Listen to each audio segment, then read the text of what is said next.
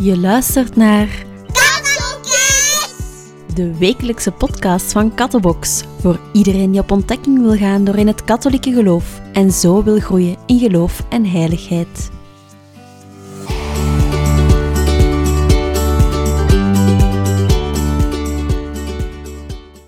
Dag lieve jongens en meisjes, welkom bij deze aflevering van Kattenkids over de geboorte van Jezus. We bidden vandaag een laatste keer het Sint-Andreas Noveengebed. In de naam van de Vader en de Zoon en de Heilige Geest. Amen. Wees gegroet en gezegend zij het uur en het moment waarop de Zoon van God werd geboren uit de meest zuivere maagd Maria om middernacht in Bethlehem in de doordringende kou.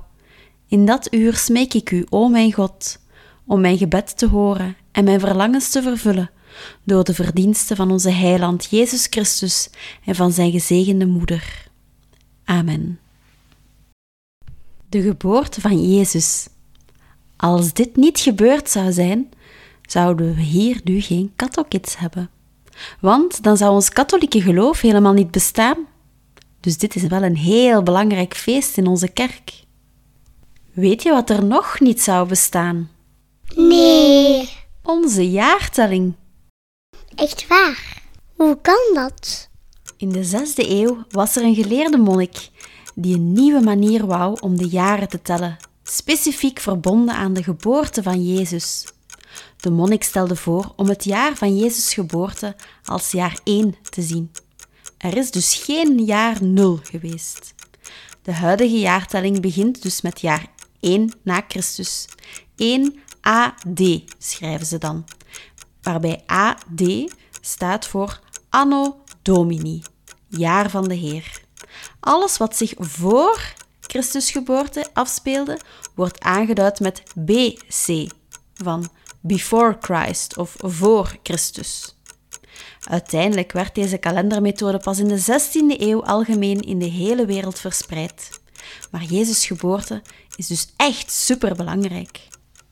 Laten we daarom eens teruggaan naar dat speciale verhaal van Jezus' geboorte.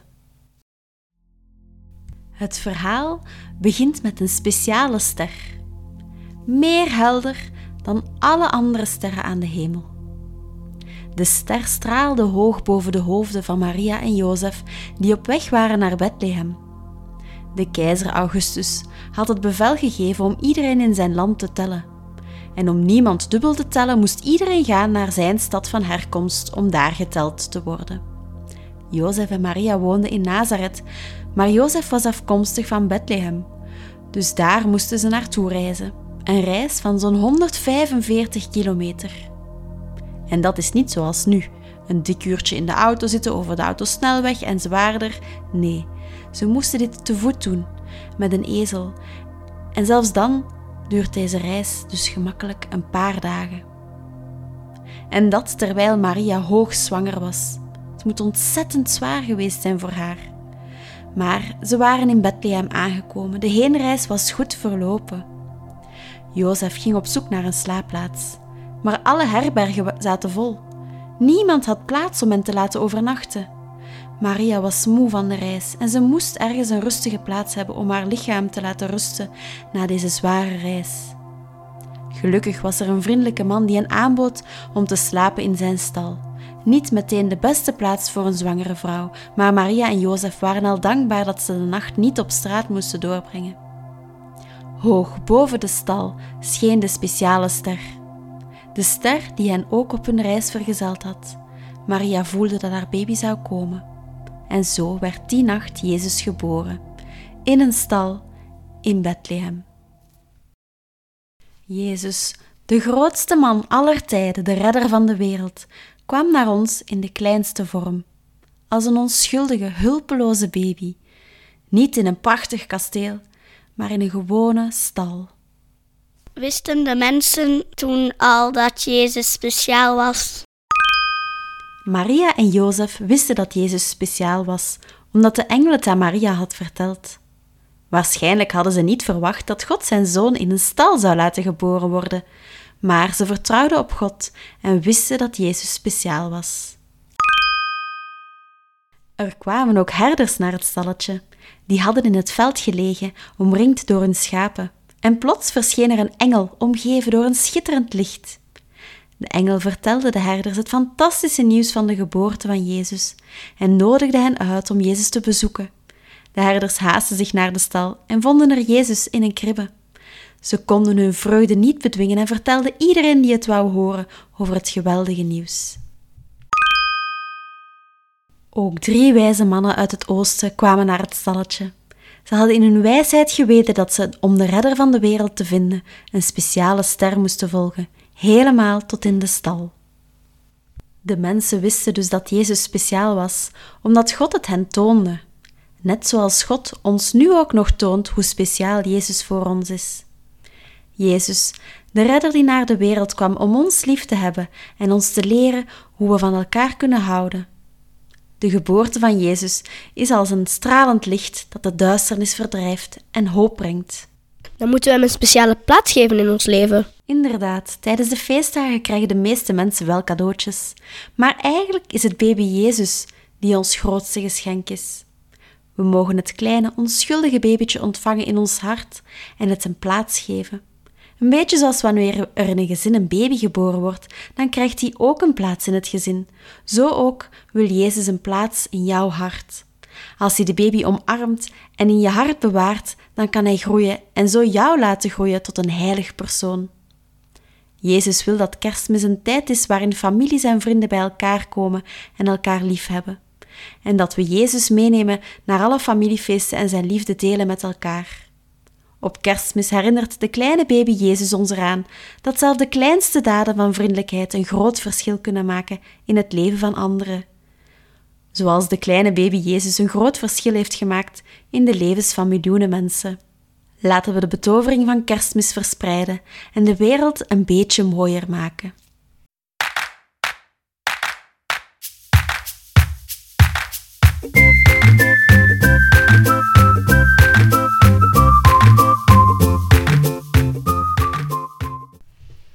Een nieuwe week, een nieuwe vraag. Deze week komt de vraag van Leander. Jezus is toch God? God heeft de mensen gemaakt, maar Jezus moet nog geboren worden. Kan dat? Dat is een heel moeilijke, maar een heel goede vraag. Jezus is God, maar God heeft de mensen gemaakt. En Maria is de mama van God, dus hoe kan Jezus dan zijn eigen mama gemaakt hebben als hij zelf nog geboren moest worden? Dit heeft te maken met iets heel bijzonders dat we de drie-eenheid noemen. We geloven dat er één God is, maar in drie personen. God is de Vader, de Zoon, Jezus dus, en de Heilige Geest. Jezus is inderdaad God en hij heeft altijd bestaan bij de Vader maar op een dag werd hij ook mens door geboren te worden uit de maagd Maria. Dus voordat Jezus als mens werd geboren, bestond hij al als God. Maar toen hij op aarde kwam, koos hij ervoor om deel uit te maken van ons leven, om ons te redden.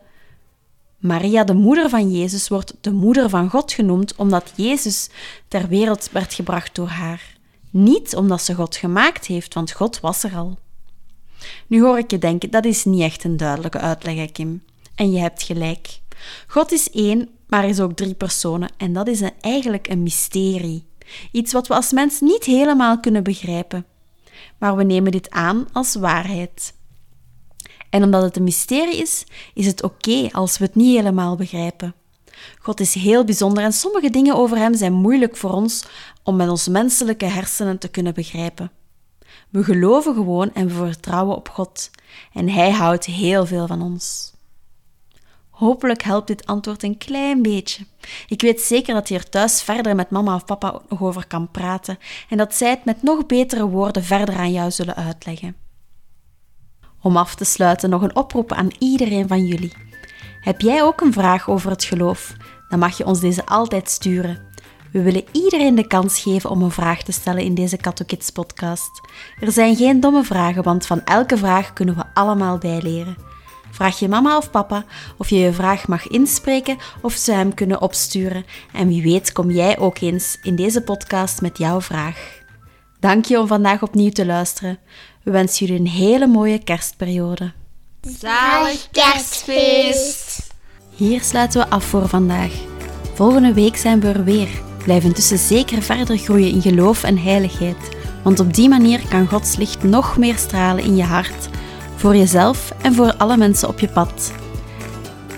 Neem zeker ook een kijkje op onze website. Tot snel!